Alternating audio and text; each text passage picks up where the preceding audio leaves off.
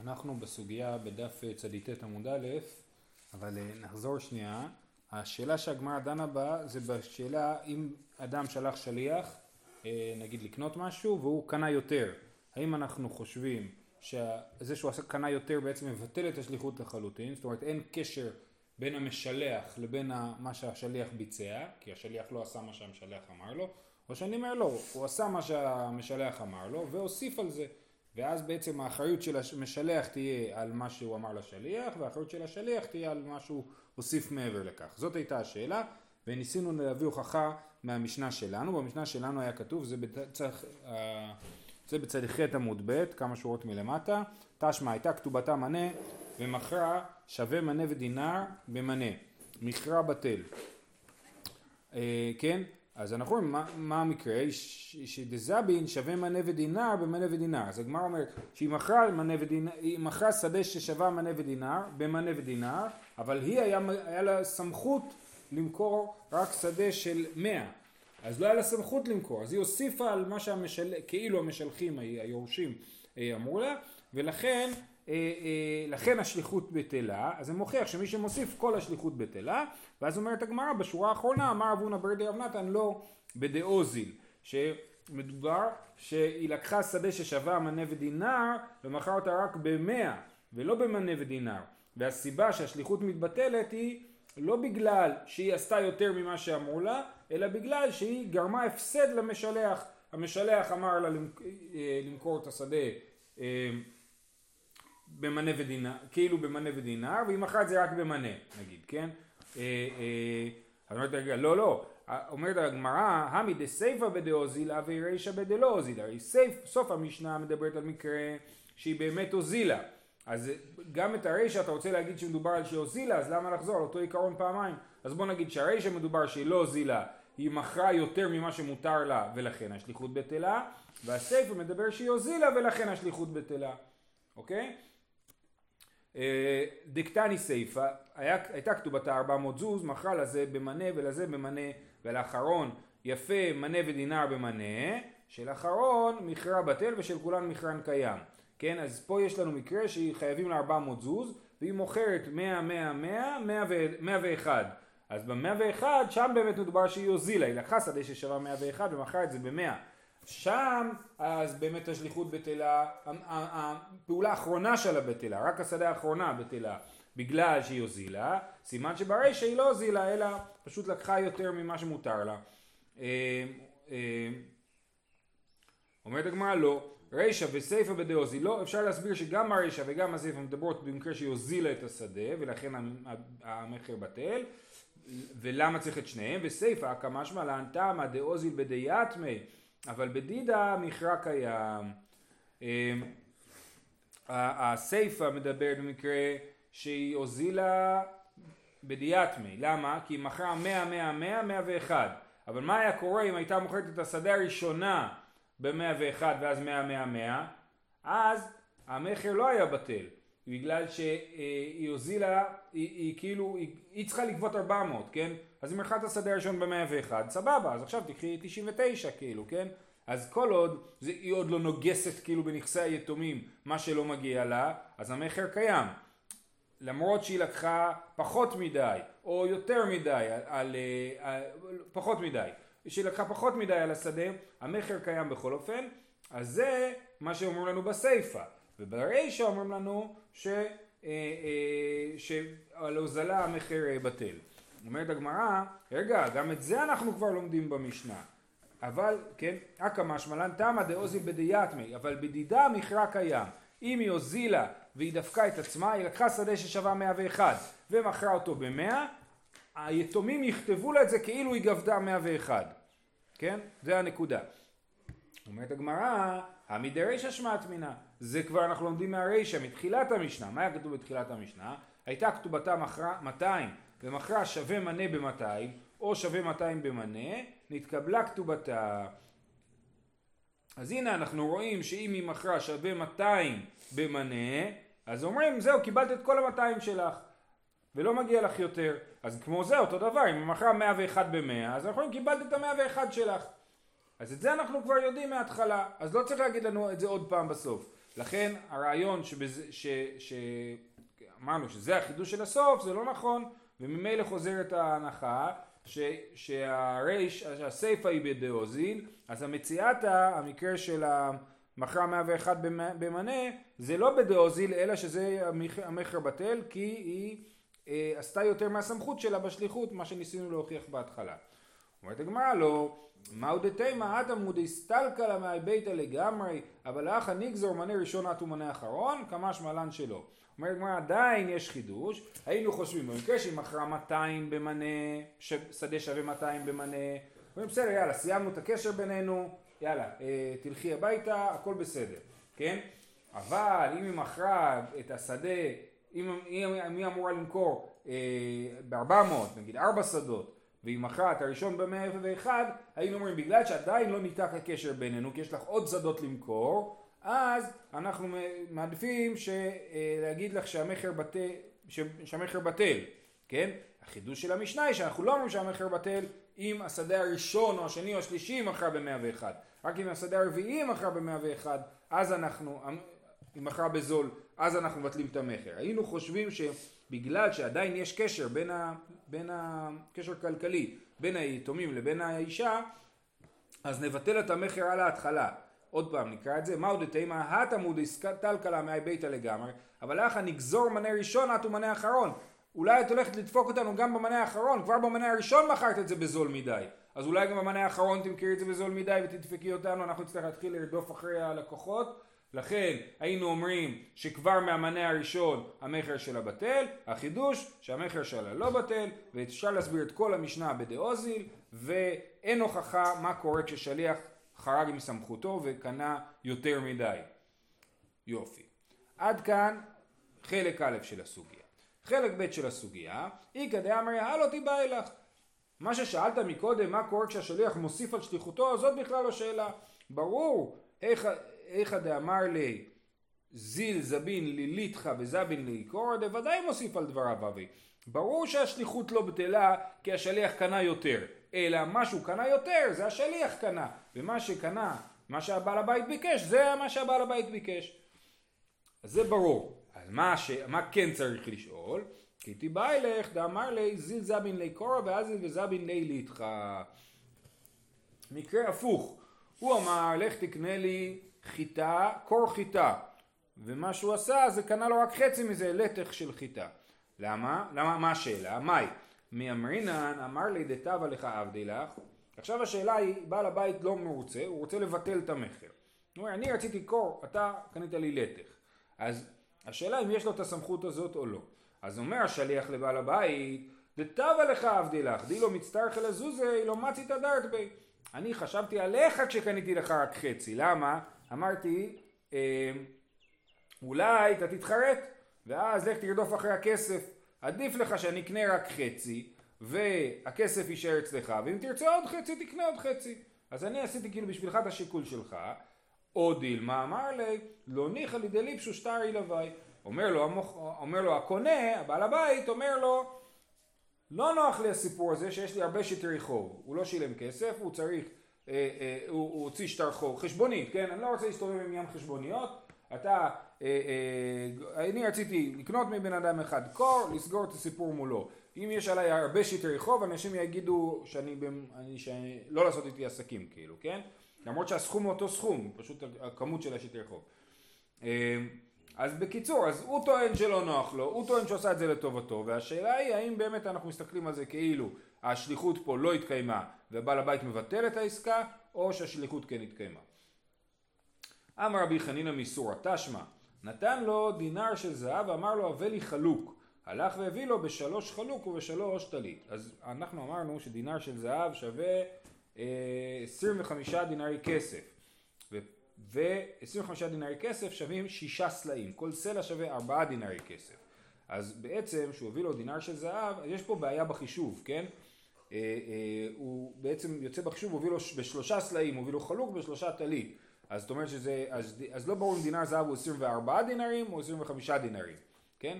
לכאורה, כן, מהמשנה הזאת המסובכת על השלוש נשים עם השלוש כתובות שכל אחת שווה פחות, אז שם היה כתוב שלוש שלוש של זהב ומשמע שם 20, שזה שווה 75 דינרים. בכל אופן, אז יש פה איזשהו חוסר דיוק בדינר אחד. לענייננו, נתן לו דינר של זהב, תוספות מעריכים בדבר הזה. נתן לו דינר של זהב ואמר לו הבא לי חלוק. אז הוא הביא לו, בוא לצורך הענייננו, הוא הביא לו 24 דינרי כסף. הוא אמר לו שישה סלעים. הוא אמר לו תקנה לי חלוק בשישה סלעים. מה הוא עשה? הוא קנה לו חלוק בשיש, בשלושה סלעים וטלית בשלושה סלעים. אז זה בדיוק המקרה שהוא אה, אמר לו תקנה לי קור וקנה לו לתך. החלוק זה חלוק ששווה שלושה סלעים במקום לקנות לי חלוק ששווה שישה סלעים. והלך והביא לו בשלוש חלוק ושלוש טלית, שניהם מעלו, השליח מעל והבעל הבית מעל. אי אבר אמרת בשלמה שליח כי הגבנה עושה שליחותו, הוא מוסיף על דבריו הווה, משום אחי בעל הבית מעל. אלא היא אמרת מעביר על דבריו הווה, המים מעל, כן? אז אפשר, לכאורה אפשר להוכיח מפה שאנחנו מתייחסים לזה כאילו הוא כן עשה את השליחות שלו, שאם הוא לא עשה את השליחות שלו, אז אנחנו לא יכולים להגיד שהבעל הבית מעל. אם אנחנו אומרים שמה שהשליח עשה זה לגמרי על דעת עצמו, ולא על דעת בעל הבית, אז למה השאלה נגיד שהבעל הבית מעל? אלא אנחנו אומרים שגם כשהשליח עשה חצי ממה שהוא צריך לעשות, זה עדיין נחשב שהוא עשה את השליחות שלו. אומרת הגמרא, עסקינן, דאייתי לי שווה שש בשלוש. אה, הוא לא הביא סתם טלית, הוא הביא טלית ששווה שישה סלעים בשלושה סלעים, הוא הצליח לעשות אה, זה, ואז הוא אומר וואלה חסכתי לו שלושה סלעים, אני אקנה גם, גם טלית, כן קניתי לו חלוק, אני אקנה גם טלית.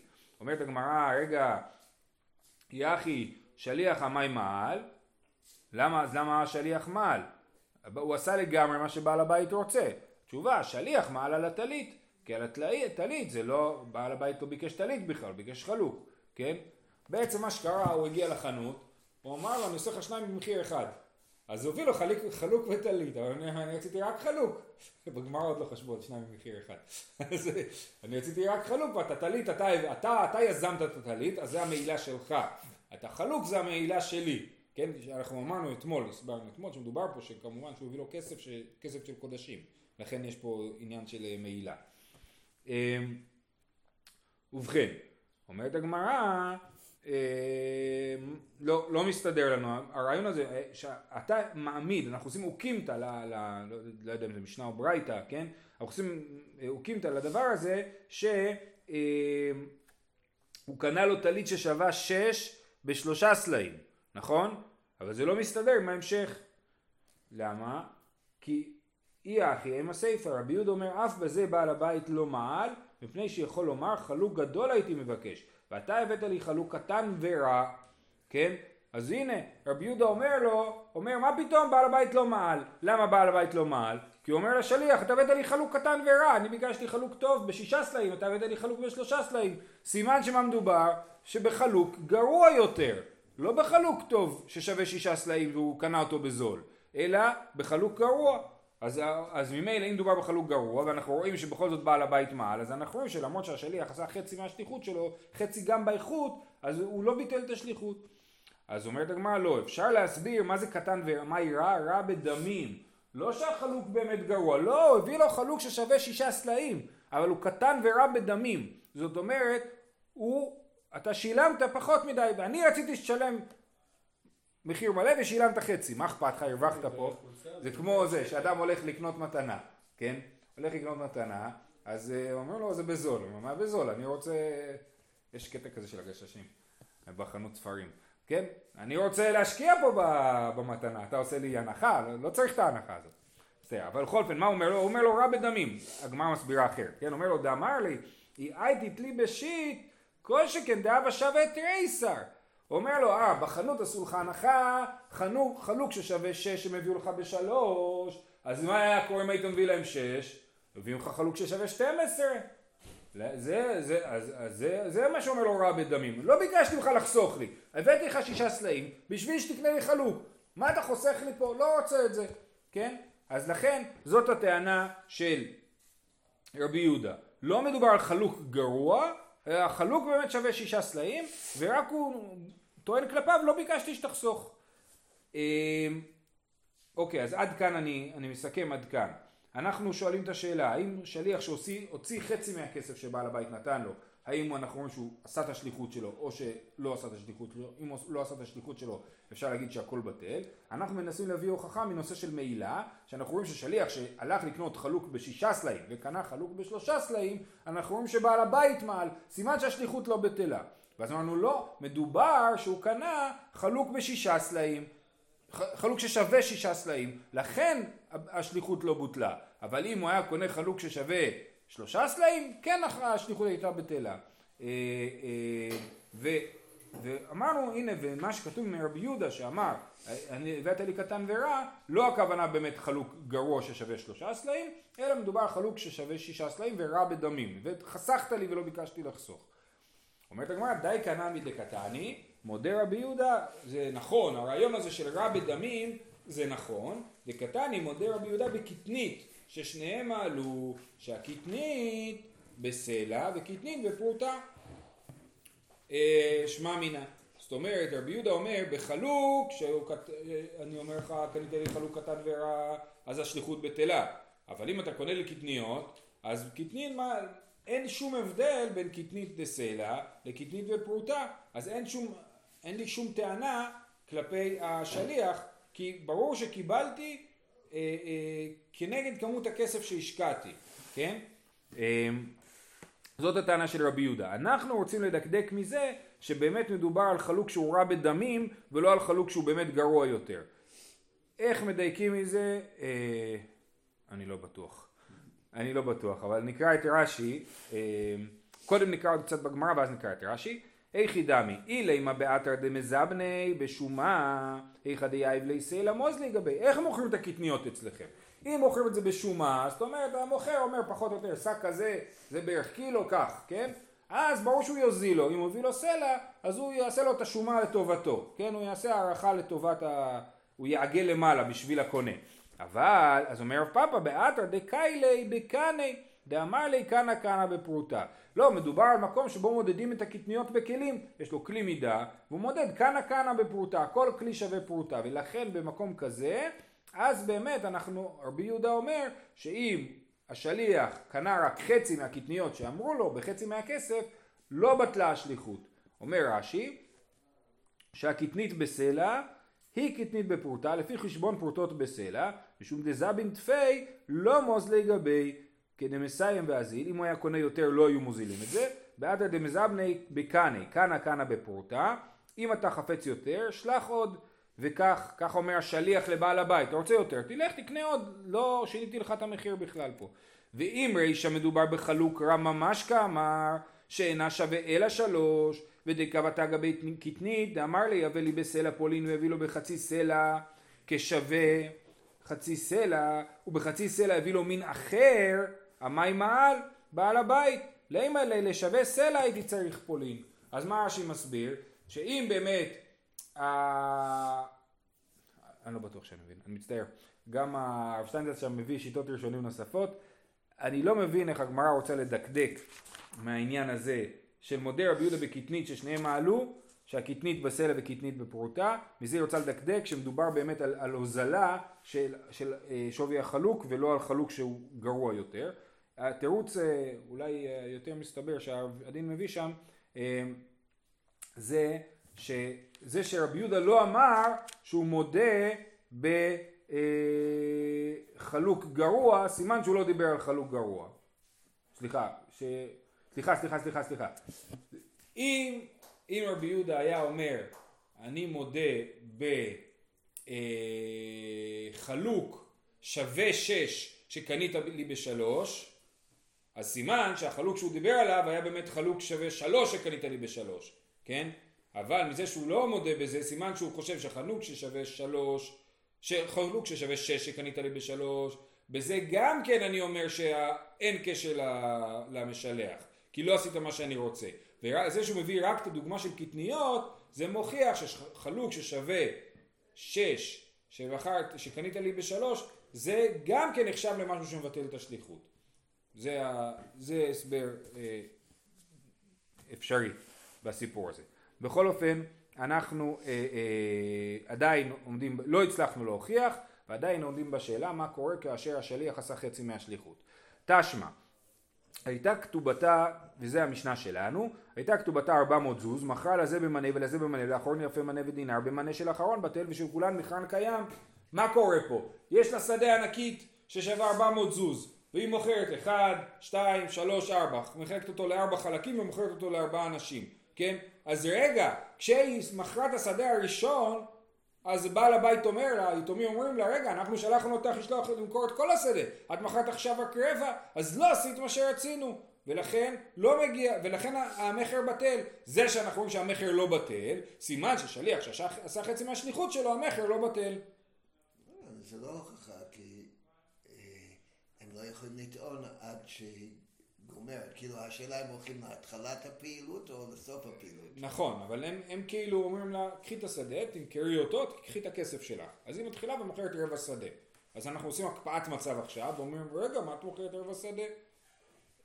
אתה צודק, יש פה בעיה, זה לא בדיוק שליחות גם, קלאסית.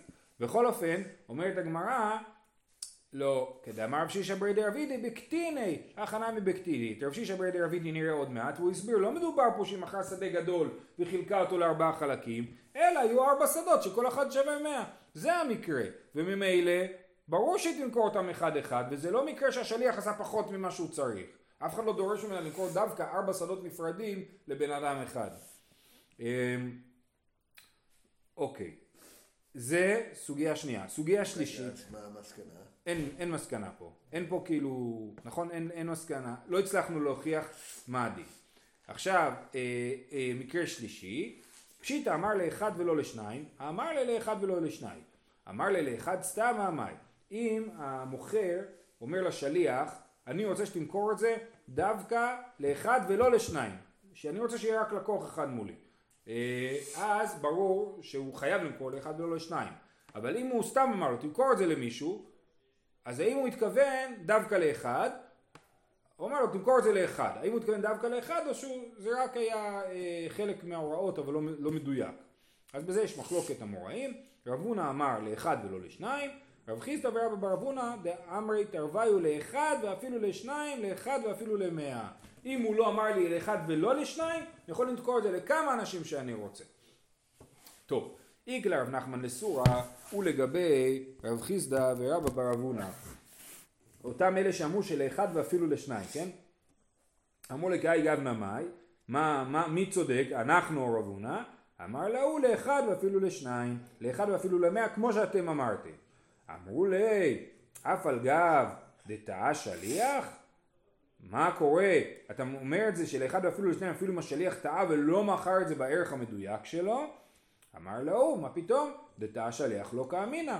אם השליח טעה ולא מכר את הקרקע בשווי שלה, אז המכר בטל. מה שאתם מדברים זה מקרה שהוא מכר את זה בשווי שלו, אבל פשוט פיצל את זה לכמה שדות. אמרו לי ואמר מר אין הונאה לקרקעות, הרי אתה אומר שאין הונאה לקרקעות. אם אין הונאה לקרקעות, אז... אין טעות. אין טעות. אין הונאה לקרקעות זה אומר שאין לקרקע ערך נקוב. נכון? אין לקרקע ערך נקוב, כל מחיר שתמכור אותו יהיה מחיר נכון. אה, אני אביא לכם דוגמה, אנחנו עושים פרוסבול על קרקע, מי שעשה פרוסבול השנה, כן? אנחנו אומרים שאנחנו עושים פרוסבול על קרקע, איך זה עובד? הקרקע אה, משועבדת לחוב, כן? אה, אבל זה רק קרקע קטנה והחוב הוא גדול, בגלל שאין ערך לקרקע, אפשר אפילו על קרקע קטנה לשעבד ערך גדול. אה, אז הוא אומר, אה, אה, יפה יפה, איפה אנחנו? סליחה. איבדתי לגמרי, רגע רגע. כן, אברהם אמר אין הונאה לקרקעות, אז, אז, אה, אז למה אם טעה שליח אנחנו אומרים שיש פה בעיה? הרי אין הונאה לקרקעות. אז מה אומר? הנה מילי דטעה בעל הבית, אבל טעה שליח? אמר לי לתקון השתרתיך ולא לאבוט. אם בעל הבית מוכר קרקע בזול אז בעיה שלו, אין הונאה לקרקעות. הוא לא יכול, הרי בדיני הונאה, גם הקונה וגם המוכר, שניהם יכולים לתבוע את ביטול המכר. בדיני הונאה במטלטלים, כן? אם המכר הוא אה, אה, יותר משטות, או שטות, או יותר משטות אה, אה, מהשווי, אז זו טענה גם של המוכר וגם של הלוקח, דפקת אותי, כן? אבל בקרקע לא. אבל בקרקע, רק אם המוכר בעצמו מכר, אין לו טענת הונאה. אבל אם השליח מכר, אז בא המוכר ואומר לשליח, מה עשית לי? דפקת אותי שמכרת את הקרקע בזול. הרי מנה, כן? אה, אה, אז בוודאי, ואז הוא יכול לבטל את המכר, אפילו אם הוא מכר את זה בשקל יותר זול, לא שישית. בהונאה אנחנו הולכים על שישית. פה לא, אפילו לא שישית. כל שקל שהפסדתי, אני אומר לשליח, לא רוצה, עזוב, לך מפה, אני לא רוצה אותך, אתה דפקת אותי. אז לכן, אם טעה שליח במכירת קרקעות, וזה גם קשור למשנה שלנו, אישה שמכרה שווה מנה ודינר במנה, המכר בטל. אז מקודם היה לנו את האפשרות להסביר כי היא חרגה מסמכותה, היא השתלטה על שדה ששווה מנה ודינר כשהיה בסמכותה להשתלט רק על שווה מנה. אבל האופציה השנייה להסביר הייתה שזה אה, אה, היא לתקון השתלטיך ולא לאבותי. את מכרת את זה בזול, במאה ולא במנה ודינר, ודפקת אותנו, הפסדת לנו מנה. אה, דינר, סליחה. אה, מינת אמרה דשני בין שליח לבעל הבית, מאיפה אתה יודע, תוכיח לנו שיש הבדל בין מקרה שבו בעל הבית טעה לבין מקרה שהשליח טעה, מדיני תרומות ומעשרות. דתנן, האומר לשלוחו צא ותרום, תורם כדעת בעל הבית, ואם אינו יודע דעתו של בעל הבית, תורם בבינונית. כן, הבן אדם אומר, זה כל, דרך אגב, כל משגיח במקום אה, שמפרישים תרומות ומעשרות הוא בעצם בסיטואציה הזאת. אני שליח של בעל הבית להפריש תרומות ומעשרות, נכון? אני, אני עובד ואני משגיח בהרחבת פטריות בתקוע, אנחנו מפרישים, לא מפרישים תרומות ומעשרות מפטריות, כי לא צריך, אבל יש לנו מוצרים אחרים, נגיד אה, אה, ליים, כן? אז מפרישים תרומות ומעשרות מהליים. מה? זה לא מחו"ל? לא, הליים הוא לא מחו"ל. אה, אה, מפרישים תרומות ומעשרות מהליים. אם אני, אני צריך להפריש כדעתו של בעל הבית, אז הוא אומר לי צוות תרום, אז אני צריך להפריש כדעתו של בעל הבית. אז היום זה שונה, אבל בזמנם שבאמת עשו תרומה, באמת הביאו אותה לכהן, אז הוא צריך, אה, הוא צריך להגיד, תורם כדעת בעל הבית. אני יודע שבעל הבית היא צדיק, הוא רוצה להביא כמה שיותר תרומה. אז אני תורם עין יפה, עין יפה זה אחד מארבעים. אבל אם אני יודע שהוא רשע, אני צריך לתרום אחד משישים. ואם אני לא יודע מה דעתו, אני תורם בבינונית, אחד מחמישים. פיחת עשרה הוסיף עשרה, תרומתו תרומה, כן? אם הוא אה, אה, הזיז מ-1 ל-50, הוא הזיז ל-1 ל-40 או 1 מ-60, אז עדיין התרומה היא תרומה, זאת טעות שמתקבלת. בעל הבית תורם בבינוני, סליחה, בעל הבית, אה, ואילו גבי בעל הבית תניא, תרם ועלה בידו אפילו אחד מעשרים תרומתו תרומה. שבעל הבית יכול לטעות בענק ועדיין תרומתו תרומה. אצל השליח אמרנו הוא יכול לפספס באחד לעשר, כן? ובעל הבית יכול לפספס באחד לשלושים, אחד לארבעים, עדיין תרומתו תרומה. כי השליח אומר לו לתקון יש דרתיך ולא לאבותי. אה, יפה מאוד. תשמע, אז עכשיו חוזרים לענייננו בשאלה של אמר לאחד, האם זה לאחד ולא לשניים או לא.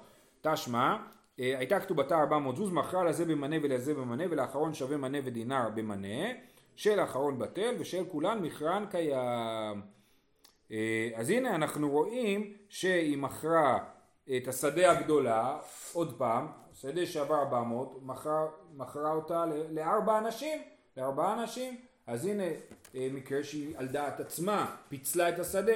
אומרת הגמרא, את התירוץ שאמרנו מקודם, אמר רב שישא ברי דאבידי בקטיני, מדובר על שדות נפרדות, על שדה קטנה, ולכן היא מכרה את זה לארבעה אנשים. אם באמת השדה הייתה שדה גדולה שהיא מפצלת לארבע, יכול להיות שלא היה לה סמכות לעשות את הדבר הזה, והיא הייתה צריכה למכור את זה דווקא לבן אדם אחד.